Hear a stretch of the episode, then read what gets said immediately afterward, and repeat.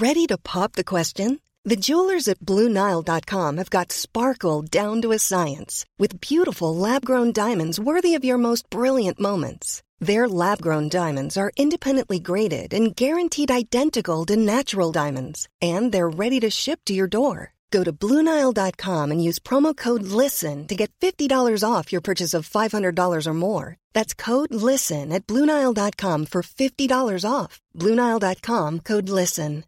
Wow. Nice. Yeah. What you're hearing are the sounds of people everywhere putting on Bombas socks, underwear, and t-shirts made from absurdly soft materials that feel like plush clouds. Yeah, that plush.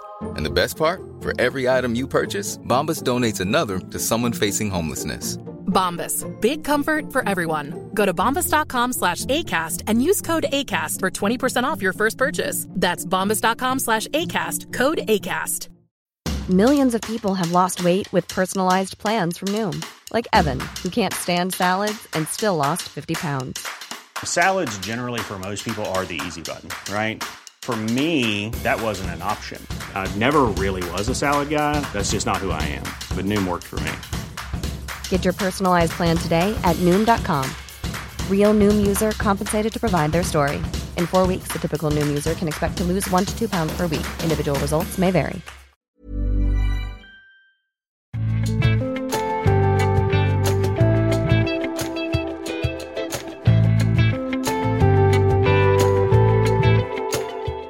Det beste utgangspunktet for å be er å be med hjelpeløshet. De ordene er ikke mine, men de tilhører den i sin tid omstridte og godt kjente professor eh, Ole Hallesby, som i 1927 skrev boken 'Fra bønnens verden'. Og Det er utgangspunktet for denne ukens episode av Tore og Tarjei. Det er meg, Tarjei Gilje, som sitter på Oslofjord Convention Center sammen med Victoria Bø. Hjertelig velkommen, Victoria. Tusen takk. Gi en kort introduksjon, for uh, du har uh, Altså, vi er på generalforsamling i Misjonssambandet når vi gjør uh, opptak. Du er aktuell med din åttende bok, som heter I bønnens landskap, og du var taler på et av kveldsmøtene under generalforsamlingen her. Du jobber i dag som kommunikasjonsleder i Nordmisjon. Du har vært utsending til Sentral-Asia, og du har vært ansatt i Misjonssambandet og Lunde Forlag. Og du og meg kjenner hverandre litt fra redaksjonsrådet i magasinet Fast grunn, Yes, som dagen det gjør vi. Mm. distribuerer. Men ved siden av alt det her så er du altså òg forfatter. Du har òg faktisk vært styremedlem i Forfatterforeningen. Ja. Så du har tydeligvis noe med språk å Det må du ha lov å si. Ja. Eh, men nå er altså du aktuell med en bok om bønn. Eh, hvordan er dine egne umiddelbare assosiasjoner til det ordet? Vet du hva, når jeg mm, bare hører ordet bønn, så tror jeg at noe av det første jeg tenker på, er det at jeg lærte å be som barn. Det er liksom bønnen som um, ja, som barndomserfaring. Og jeg husker at jeg pleide å be for familien, og og også lærte faste bønner, sånn som eh, Fader vår, eller Vår Far, som eh, den heter nå. Men som voksen så har jeg jo et helt annet forhold til bønn. Nå er bønn et spennende felt å utforske både med tanker, eh, gjennom lesing. Jeg er forfatter, så jeg liker jo veldig godt å omgås andres tanker. Og gjennom erfaring på en helt annen måte enn de sånn litt enkle forbønnsbønnene som jeg ba for andre da jeg var barn. Når jeg hører ordet bønn, så er egentlig altså Det kunne nesten vært synonym til dårlig samvittighet. OK. Ja. Mm. Kjenner du igjen det? Nei, faktisk ikke. Eh, jeg tenker at for meg, i hvert fall som voksen, så er um, bønn mye mer av et sånt undringsfelt. Um, og et sted som jeg syns det er spennende å oppdage ting. Og også et sted for fellesskap. Og jeg kan av og til be sammen med andre, eller um, jeg opplever fellesskap også å sitte i, i stille bønn sammen med noen. Så nei, for meg er det ikke sånn at dårlig samvittighet er det første som, uh, Mm. som dukker opp. Men kanskje det har litt grann å gjøre med hva vi tenker på som bønn, da. Ja, Hva, godt det hva tenker du på som uh, Ja, Det er et godt spørsmål. Det, det burde jeg kanskje ha forberedt, forberedt bedre. For Noe av det som gjør at jeg spør om det, var også at, tidligere også kom det en bok som het eh, Påkoblet, eh, som var på samme forlag som boken din er utgitt på nå. Og Der var det jo et helt knippe kristne ledere, noen av de ganske profilerte, som snakket Det var ikke en andaktsbok, men det var en, en bok om andaktsliv, og da var bønn som en naturlig del av det. Eh, Og jeg ble litt sånn fascinert, nesten, og for så vidt litt oppmuntret, med utgangspunkt i det jeg sa i sted, av at eh, tekstene der i ganske stor grad handlet om at disse menneskene fortalte om eh, sin egen tilkortkommenhet. Eh, I andagslivet at ja, vi vet om at dette er viktig, dette burde vi gjøre mer av, men det er vanskelig, og tiden går og oppmerksomheten dras i alle mulige retninger. Eh, og så står vi der og prøver. Men da, når man står der og prøver og prøver, og prøver, så kan det fort bli sånn der Ja, det gikk ikke i dag heller. Mm. Og det tror jeg er mange som kan, kan kjenne igjen. på ulike måter. Ja, vet du det, og jeg tror også det er veldig fint med sånn um, ærlige fortellinger fra hverdagslivet og fra, fra troslivet. Så, um, så det syns jeg er veldig flott. Men så kan det jo være at um, um, vi har forskjellige deler av troslivet som vi noen av oss har dårlig samvittighet for, og andre ikke. Altså Noen hva vet jeg, går på møter absolutt hver søndag. Andre av oss er litt mer eh, slappe på det. Noen er opptatt av bønn. Noen liker best å gjøre praktisk arbeid i kristen sammenheng. Så, så jeg tenker kanskje at det vi, det vi syns vi får til, og det vi syns vi ikke får til, er litt sånn knytta til det også. Så hva vi er engasjert i, og hva vi tenker er litt sånn hva skal vi si, et slags ideal som kristen. da. Så, For du, du spurte litt i sted om, om hva du oppfatter, eller hva som er definisjonen på bønn. Hva er det vi legger i det? Og jeg vil tippe at mange kan kjenne igjen det første du beskrev fra barnet. men man, ber, man har kanskje en liste, enten skrevet ned eller i hodet, og den går man liksom gjennom med en eller annen form for regularitet. Og det er eh, en slags åndelig plikt, eller hva man vil kalle det for. Men så, så er det jo noen som snakker om at nærmest som et bønn som et åndedrett. Altså som en hel sånn en slags puls i livet. Så man kan jo, hvordan, hvordan har den eh, begrepsforståelsen utviklet seg hos deg? Du, jeg tenker at det, der med å be, be for andre, altså det som vi av og til liksom mer innafor kaller forbønn, da, ehm, det er jo veldig fint. Og det er en gave som vi kan gi til hverandre, og jeg tenker også at det er en viktig og, og riktig gave. Men, jeg, men bønn er også veldig mye mer enn det. Ehm, da jeg begynte å på en måte tenke og lese rundt bønn litt sånn mer systematisk, så lette jeg etter en god definisjon av bønn, da. Og da har jeg egentlig landa på å bruke en bønn fra jeg tror det er fra det første århundre. Clemens Alexandria, som sier at bønn er en samtale med Gud. Ja. Eh, og det er noe med det samtalebegrepet som jeg liker. Fordi det er um, Ja, det er jo en veldig rikdom i det at vi har en mulighet til å på en måte henvende oss til, til Gud, da. Det er eh, Ja, så det ordet samtale tar det liksom ned på en sånn forståelig måte. Og nå kjenner jeg at jeg glemte litt grann hva du egentlig spurte Nei, du svarte helt, helt utmerket. Og jeg tenkte jeg skulle gå et skritt videre, for du sa det var en artig lite sånn kort intervju på måte, fra scenen før du talte i går kveld. Eh, og, da, og da sa du bitte litt om eh, For det er jo forfatterens håndverk. Sant? Veien fra mange slags tanker vi alle kan ha i hodene våre, fra eh, Ja, OK, her ser jeg potensial for en bok. Mm. Hva var eh, de umiddelbare impulsene, og var, når var du skjønte at ja, men dette har jeg såpass mye å si om at her, Ja. Eller er det noe mer? Da. Ja, ja, ja. Du, um, jeg tenkte eh, Jeg hadde tenkt, og jeg hadde prøvd på, på for, flere forskjellige måter å skrive om bønn. Litt sånn å skrive ut bønner, og liksom ikke helt funnet noe vei i det. Men så var det en kveld som jeg tror jeg hadde mm, lest salme mm, 23 ganske nylig, så de versene kom opp i hodet. Og sammen med de bibelversene så kom det en idé som jeg tenkte ja, var på en måte litt sånn relatert til bok. Eh, og neste morgen så satte jeg meg ved skrivebordet og tenkte at ja, jeg får jo teste litt ut den ideen, da. Um, og da merka jeg ganske fort at oi, ja, var, dette var det hold i. Her er det et sånt litt sånn stort rom å, å skrive i. Og så har jeg vært forfatter så lenge nå at jeg, jeg har liksom lært meg å kjenne igjen når en idé er en, kanskje en liten idé som kan bli en artikkel, eller når det er en sånn større, mer bærende idé som det går an å i hvert fall forsøke å utvikle til, til bok. da. Hvordan å formulere, altså Hva er forskjellen? Hva er det du merker som er annerledes? Om dette kan bli en bok når du kjenner det? Vet du hva, jeg tror egentlig det er um, Altså, jeg kom med første bok i 2004. Jeg tror rett og slett det er erfaring. Ja. Um, fordi jeg jobba med så mange typer ideer over tid, da. Og noen ganger så blir man jo veldig forelska i sin egen idé å kjøre på, og så går det noen dager eller uker eller timer, så ser man nei, vet du, dette her ble jo ikke bra. Um, og andre ganger så har man en idé som vokser fram over tid, så må man gå litt til og fra. Men jeg tror jeg har blitt litt sånn um, mer erfaren, mer sånn tilvant til å kjenne igjen Ja, vet du hva, her er det noe. Her må jeg bare skrive på. Uh, og litt sånn var det med den i bønnens landskap, da, at jeg begynte på en måte å hente inn uh, det landskapet jeg bokstavelig talt satt i. Så kvistværelse hjemme, Ja. jeg hadde satt meg for å skrive, inn i teksten. Eh, og da merka jeg raskt at liksom, vet du, ja, dette vokser fram. Her er det mm, her er det et rom jeg kan Bokstavelig talt et rom jeg kan skrive i, da.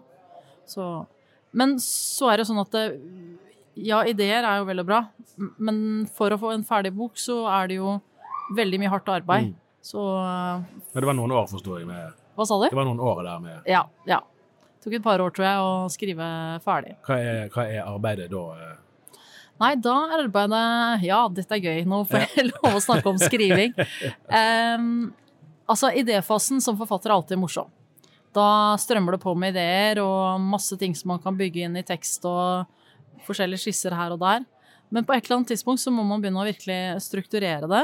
Og jeg hadde også veldig lyst til å hente inn andres tanker om bønn. Både fordi jeg leste for å utforske temaet, men også fordi jeg syns det er interessant i teksten da, å gå i dialog med andres tanker. Få lov å leke litt med C.S. Lewis sine begreper og hente fram Augustin og eh, ja, betrakte bibelvers og hente inn dem og sånt noe. Så, så det var en del av reisen, og da tar det tid. For da må du både lese og skrive og arbeide med teksten. Og når du har gjort de tingene, så, så kommer jo de mer sånn tekniske bokprosesstingene som eh, ja, eh, å jobbe med redaktør, språkvask, korrektur, oppsett. Det som er en del av livsløpet til, til boka, da. Fra hva skal vi si, papir til ferdig, ferdig bok. Der har du vært litt i begge roller, ikke du det? Jo, jeg har jobbet som uh, redaktør. Det kan jo være en fordel å eh, vite ja. om uh, altså når du nå som forfatter Yes. skal forholde deg til at du vet Ja. du ja. Ja. For der kan det være et elsk-hat-forhold, ser jeg for meg. Ja. Jeg har stort sett hatt veldig gode redaktørsamarbeid, og um, har vært fint å ha hatt den erfaringen med å være redaktør òg. Mm. For da kommer det til teksten fra en litt annen måte. Akkurat. Vi, vi snakket litt om så vidt på forhånd her at, eh, at det å skulle snakke om bønn det kan være litt som eh, når man skal snakke om Den hellige ånd, så er det sånn, kan det være utfordring på den måten at, at når vi leser i Bibelen at Den hellige ånd eh, har jo som noe av sin egenart at den flytter oppmerksomheten bort fra seg sjøl og over på Kristus. Sånn at det å snakke om ånden er nesten sånn umulig, på en måte, for du må egentlig snakke om noe annet. Og litt sånn lurer jeg på om det kan være med bønnen òg, at det er en sånn abstrakt størrelse. Hva er dette egentlig? Og det er jo noe av det du vel prøver å konkretisere på forskjell med forskjellige innsteg da, i boken. Eh, Si litt om, om dette landskapet som du hva er, hva er fjell og daler og trær og busker og Ja, i landskapet? Eh, ja, jeg tenker jo at bønn er et landskap, og et landskap som vi kan um, um, utforske. Nå har vi vært litt gjennom det med, med å be for andre. Mm. Men det er jo mange andre spennende måter å be på også. For eksempel så tror jeg vi i liten grad tenker over hvordan vi ber med kroppen. Altså hvis du, hvis du hører ordet bønn, så er det kanskje mange som tenker på et menneske som sitter stille med foldede hender og lukkede øyne og liksom ser sånn andektig ut. Men det er jo um, mange andre måter å bruke kroppen på også. Pilegrimer, jeg er liksom pilegrimsentusiast, Mm. de går jo og ber. Og så um, i andre tradisjoner så, um, så, kan man jo ligge um, Ligge og be, eller eh, ja, vet jeg, danse og be. Altså det er mange måter å bruke kroppen på i møte med, med bønnen. Også når vi lovsynger, så reiser vi oss ofte, eksempel. Så um, og så er det også som bønnens landskap Det er jo veldig spennende å be med Bibelen også. Eh, Det er et tips som jeg har lyst til å gi til de som har lyst til å gjøre akkurat det. Det er å bruke Salmenes bok eh, aktivt. Det er jo sånn godt, gammelt eh, bønneverktøy, for å si det sånn, men det funker. Jeg syns det er veldig fint å be med salmene. Og hvis man skal gjøre det helt konkret, så er det jo bare å starte med salme én. Mm. Kanskje lese en salme om dagen eller om kvelden, og, og lese, lese og be seg gjennom salmenes bok, da. Så, men akkurat det med variasjonen i bønn, da tror jeg vi kan sitte her en stund. Altså, Ja. hvis vi kan snakke om Ja, alle ja, en sånn, et sånn typisk skjelning vil jo være, og det er jo interessant å, å se at der, altså, eh, altså faste bønner, eller nedskrevne bønner, har jo fått en, en litt ny status, og til og med eh, hører vi av og til om at i, i Filadelfia-kirken i Oslo, altså i pinsebevegelsen, så har man jo både tidebønn og det mer spontane, og der, hvis man hadde kommet og skulle ha tidebønn i en pinsemenighet for ikke så veldig mange år siden, så var det ganske fremmed. Eh, og, og i en del sammenheng, og ikke minst på en måte bedehuset har jo hatt noe som sånn, noe av sin egenart. Ganger at hvis, hvis det ikke er spontant, så er det på en måte ikke ekte. Mm. Hvordan, hvordan reflekterer du rundt forholdet mellom f.eks. de bibelske bønnene vil jo være det ytterste eksempelet på det, Mm. og det spontane der og da. Du, jeg har lyst til å ta litt ord, tak i det ordet tidebønn, at eh, det tenker jeg at vi kan se på simpelthen som det å be til faste tider. Mm. Og da kan det være at det er ganske mange av oss som faktisk gjør akkurat det. Kanskje vi leser et bibelvers om morgenen, eller en andagsbok, eh, eh, eller vi ber sammen med familie, eller, eller for oss sjøl på kvelden. Og det er på ett vis så er det også å be Mm. tidebønner, for det er jo å be til faste tider. Så jeg tenker at det, det er fint, jeg. Ja. Og det at vi har fått flere verktøy til å gjøre det, sånn som tidebønnsapper og tidebønnsbøker, det er jo um, gode verktøy, rett og slett. Så det bruker jeg sjøl til tider og syns at det er fint. For da, hvis jeg ikke har helt sånn fokus til å sette meg ned og, og be, så kan jeg i hvert fall lese gjennom en bønn som noen andre har eh, formulert og satt Mm. sammen eh, for meg. Akkurat.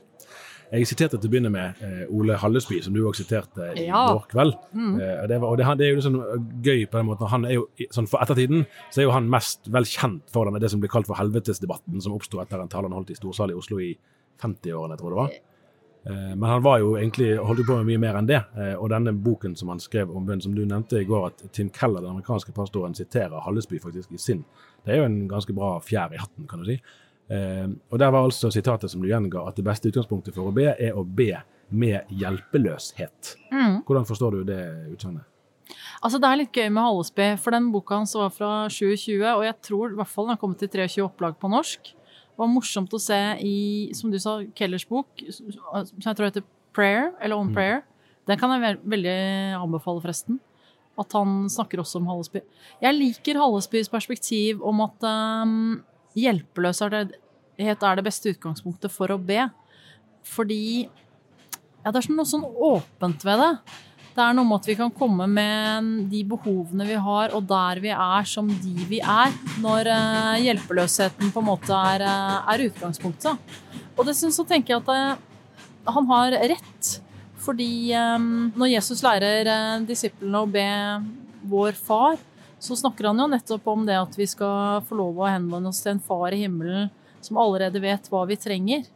Og da er jo hjelpeløshet et veldig godt utgangspunkt. Vi trenger ikke å komme med en masse svar, vi kan komme med spørsmål. Um, og det vi strever med. Jeg lurer på om det er nå det passer å få et utdrag fra boken. Ja, kanskje det? Ja, Kan vi si som vi sa på radio i gamle dager, det er forfatteren sjøl som leser. herlig. Ja, vet du, det er faktisk forfatteren sjøl som leser. Du, da tror jeg at jeg mm, kunne tenke meg å lese noe om gjestfrihet, ja. Kan det være en idé? Ja. Det kan være en idé. Ja. Det hender at vi har gjester i hagen her jeg bor. Da henter jeg fram et blått og hvitt servise, som består av mange tallerkener og et litt rart utvalg av kopper i forskjellige størrelser. Små mokkakopper, enkelte digre tekopper med skål, og noen ganske få firkanta kaffekopper. Og det serviset her har sin egen historie som jeg ikke kjenner, for vi har kjøpt det brukt. Noen andre har spist hverdagsmat og dekket på til fest med dette.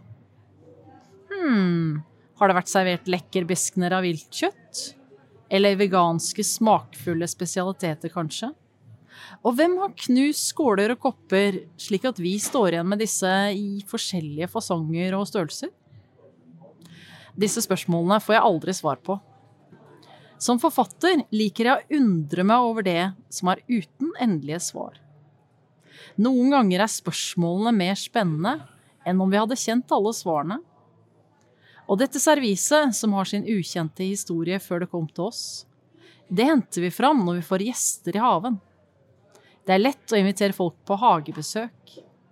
Hagen gjør meg simpelthen mer gjestfri. Og når jeg nå tenker på å dekke bord for gjester i denne hagen, så lurer jeg på om kanskje gjestfrihet kan være en nøkkel til å forstå hva bønn er. Guds invitasjon til bønn gjelder ikke noen få utvalgte.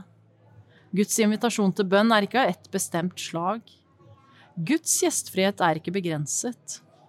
Når Gud inviterer, kan vi komme som vi er, enten det er festgledd og med livet på stell, eller stillferdige og med lengsler vi ikke tør å formulere i selskap med andre. Guds gjestfrihet gjelder alle. Og nå fikk du sånn typisk sånn eh, to små avsnitt fra samme kapittel. Ja, ja. Hva var det som gjorde at det var disse du ville lese? Jeg tror um, at uh, i denne boka så er det viktig for meg å invitere leseren inn. Invitere leseren med. Og så er det ikke viktig at leseren gjør på en måte min reise med bønn. Det, det er ikke noe eh, vei å gå, men å gjøre sin reise med bønn. Uh, og hvis, hvis folk gjennom å lese denne boka kan bli inspirert og engasjert i bønn, så eh, ja, gleder jeg meg rett og slett over det. Ja, for hadde du, I det du satte ned- satte i for å skrive boken, hadde du tenkt ut noe sånn Dette er det jeg ønsker at boken skal føre til. Nei, det ble til underveis. Mm. Mm. Og når, du nå, når den er ferdig nå, hva, hva, hvis du skal anbefale den til noen, denne boken håper jeg kan gi deg dette. Ja, det måtte være en fornya, ja, fornya inspirasjon og engasjement for bønn. Rett og slett. Hva vil du si om, og det har, vi har vært litt innom det, Um, altså hvor vikt, her, man kan snakke om teknikker og metoder, og det kan jo høres veldig fremmed ut. Mm. Eh, sant? Eller kanskje man kan la seg inspirere litt av det. ja. Til å be litt på litt andre måter enn man er vant til. Da. Mm. Fordi det er liksom fint å i hvert fall prøve noe nytt av og til, og så kan man jo vende tilbake til det man kjenner. Så men avbrøt jeg det, så Nei, det, det, har jeg godt av. Nei, for du brukte jo i teksten du leste referanser fra, fra, fra serviset, altså helt Mm. sånn konkret, og fra hagen, som er størrelser som alle kan relatere til uten å være noe Mm. spesielt liksom, teologisk eller åndelig anlagt. Eh, mens, mens bøndens landskap kanskje i utgangspunktet kan være litt sånn tåkelagt. Mm. Eh, så her, her kan man jo bygge en bro. Da kan jo være noen ganger at teknikker og metoder kan være, Mm. kan være hjelp eh, til det. Da. Eh, uavhengig av selve boken, for så vidt, men, men eh, hvordan tenker du om, altså om resultatet av bønn?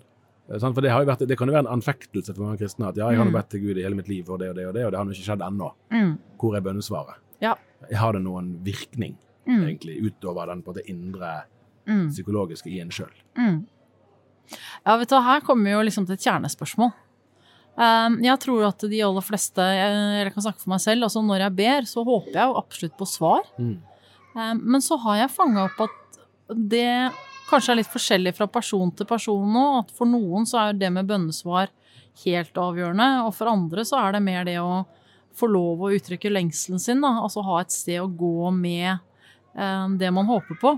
Så jeg tror det kan være litt sånn forskjellig hvor, hvor viktig det er for oss. Um, men selv så kjenner jeg meg veldig enig i at det er viktig, og at det oppleves utrolig godt når, man, når jeg får et, eh, noe som jeg opplever som et svar. Da. Men så er det litt sånn spennende å utforske hva er et svar. Mm. For noen ganger så får vi Ja, kanskje det skjer noe godt som vi har bedt om med en gang. Og andre ganger så kan det jo ta årevis. Man kanskje til og med har glemt den bønnen man har bedt. Og så tenker jeg også at det er faktisk fint å ikke få bønnesvar også. Jeg skriver litt om det, for det er noe med at eh, hvis vi fikk svar på alle bønnene våre, så ville vi, tror jeg livet ville vært liksom forvirrende fullt av feil folk. Det det, det er et gammelt ordtak det er at når gudene vil straffe oss, så gir de oss det vi ber om. Det er jo ikke spesielt kristelig sagt, men det er Mm, ja. kan være noe Nei, men det er noe med det, ikke sant? Da hadde vi kanskje hatt en masse ting vi ikke trengte, og, og feil folk i livet vårt, Mm. og det ville vært godt vær hele tida, liksom, ikke sant? Altså, det er noe med at det, det er en visdom i, i det vi får svar på, og det vi ikke. Mm. Men så har jeg også lyst til å si at det, det er helt sikkert mange som både ber om og har bedt om ting som er både stort, sårt og vanskelig, Mm. og at det oppleves veldig tungt. Og ikke få de bønnesvarene man håper på, spesielt i møte med sykdom og død og sånn. Så det, det er eh, Ja, dette er et litt sånt krevende terreng å ferdes i, som jeg godt forstår at mange kan ha opplevd både sår og skuffelser. Mm. Mm. Ja, for det er jo egentlig en, en eh, Hvis man tenker etter, det er nesten sånn ufattelig eh, slags premiss sant, i den tanken om at vi med våre bønner skal kunne eh, bevege Gud, så å si. Ja. At Gud skal på en måte forandre mening, Mm. nærmest, fordi at Mm. vi har bedt. Hvis man Mm. bare følger den tanken, Mm. så er det jo det er nesten for stort til å, Ja. til å begripe. Har du endret noe ting av, av hvordan du tenker sånn grunnleggende om bønn gjennom arbeidet med boken? Det har du sikkert. Jeg tenker at jeg har festa meg en god del ved det at, um, at bønn kanskje Altså det, det spørsmålet du stiller er, liksom, det, er så stort, det, er, Mm. det tør jeg ikke å prøve å svare på engang. Men, men det med at bønn i hvert fall kan få, få forandre oss. Mm. Og forandre hvilken holdning vi har til, det, til ting vi ønsker oss, eller eh, livsforhold som vi ønsker endra. Da. Så mm. Eh, Du sluttet talen din i går kveld på et interessant punkt, syns jeg. da. Eh, For da appellerte du litt til de kunstnerisk anlagte Ja. eh, i forsamlingen. Og du sa, og nå tror jeg jeg siterer riktig, du kan jo korrigere eventuelt, vi trenger ditt blikk. Eh, Du ser livet på et litt annet vis enn de andre. Hva var det som gjorde at du, at du ville si akkurat det i denne sammenhengen? Du, dette var veldig gøy at du henter fram. Fordi dette hadde jeg inni Altså, når man skal holde tale for flere tusen mennesker, så går det litt forberedelsestid i det, for å si det sånn. Eh, og jeg hadde dette punktet inne veldig tidlig, og så tok jeg det ut igjen. Og så har jeg liksom kjent at nei, vet du hva, det der har jeg lyst til å hente inn igjen. Og jeg tror det er fordi um, at jeg syns kanskje at i mange sammenhenger så blir kunstnere kanskje ikke så um, Altså, det, kunne, det har vært fint om vi oppmuntra kunstnere mer. Fordi kunstnere, uansett hva slags kunstform de er, de ser verden med et litt annet blikk. Og dermed så kan de kommunisere ting på litt andre måter. Um, og det er Det tror jeg er viktig. Og jeg kjenner meg også sjøl igjen i det. Um, gjennom skrivinga så identifiserer jeg meg jo på et vis som kunstner. Så jeg hadde veldig lyst til å få gi en oppmuntring til folk som sitter med samme lengsler og samme uttrykk, da, at det har verdi. Um, og, å se på verden med forskjellig blikk og uttrykke det man ser. Så ja, nei, det er hyggelig at du trakk fram det. Er det en spenning der? For det lurer jeg litt på sjøl om det er. eh, I, i på en måte eh, denne type kristne miljøer som vi er i nå, da. Eh, Det kan jo gjelde bredt òg, hvis man har en merkelapp vi kaller oss konservative bibeltro, eller hvilket merkelapp man nå har. At det kunstneriske er jo gjerne nettopp å utforske.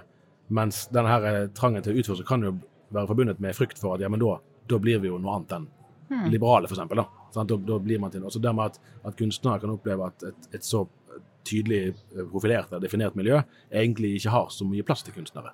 Vet du, Det er litt vanskelig for meg å, å svare på, eh, fordi jeg er ikke- liksom ikke um, opp, oppvokst i det, på en måte. Men jeg lurer på om det generelt kanskje i Jeg ønsker meg i hvert fall mer. At Ja. man verdsetter kunst i, også i kristne miljøer. Og hvis vi tenker litt tilbake i tid, så var jo mange av verdenshistoriens store kunstnere nettopp kristne. Og det at Gud inspirerte til kunst, det var på en måte en naturlig del av kunstforståelsen og, og verdensbildet. da. Men eh, jeg opplever kanskje ikke det helt på samme måten i, i dag. Du, jeg tror det var det vi rakk i denne omgang. Victoria Bø, takk skal du ha. I bønnens landskap heter altså boken. Luther forlag, blå. Den er det verdt å lese. Tusen takk for at jeg fikk være med. Takk for besøket. Vi høres igjen neste uke. Ha det bra.